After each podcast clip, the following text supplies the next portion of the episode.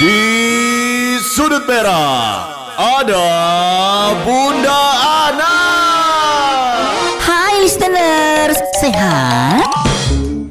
Balik lagi bareng sama Bunda Ana di Iguana kita kali ini ya. Ada beberapa fakta kenapa orang-orang ngerasa salah jurusan pas waktu kuliah. Ayo.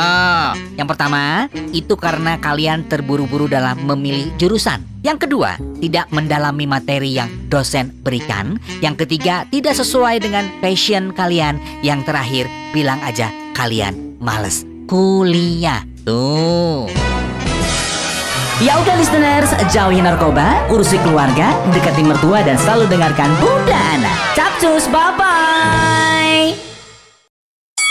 Di sudut merah ada Bunda Ana. Hai listeners, sehat?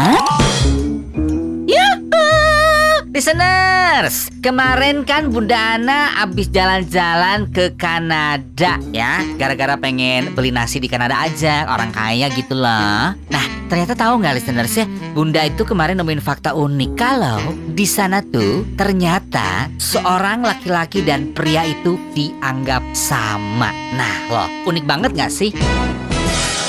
Ya udah listeners, jauhi narkoba, urusi keluarga, dekati mertua dan selalu dengarkan Bunda Ana. Capcus, bye-bye.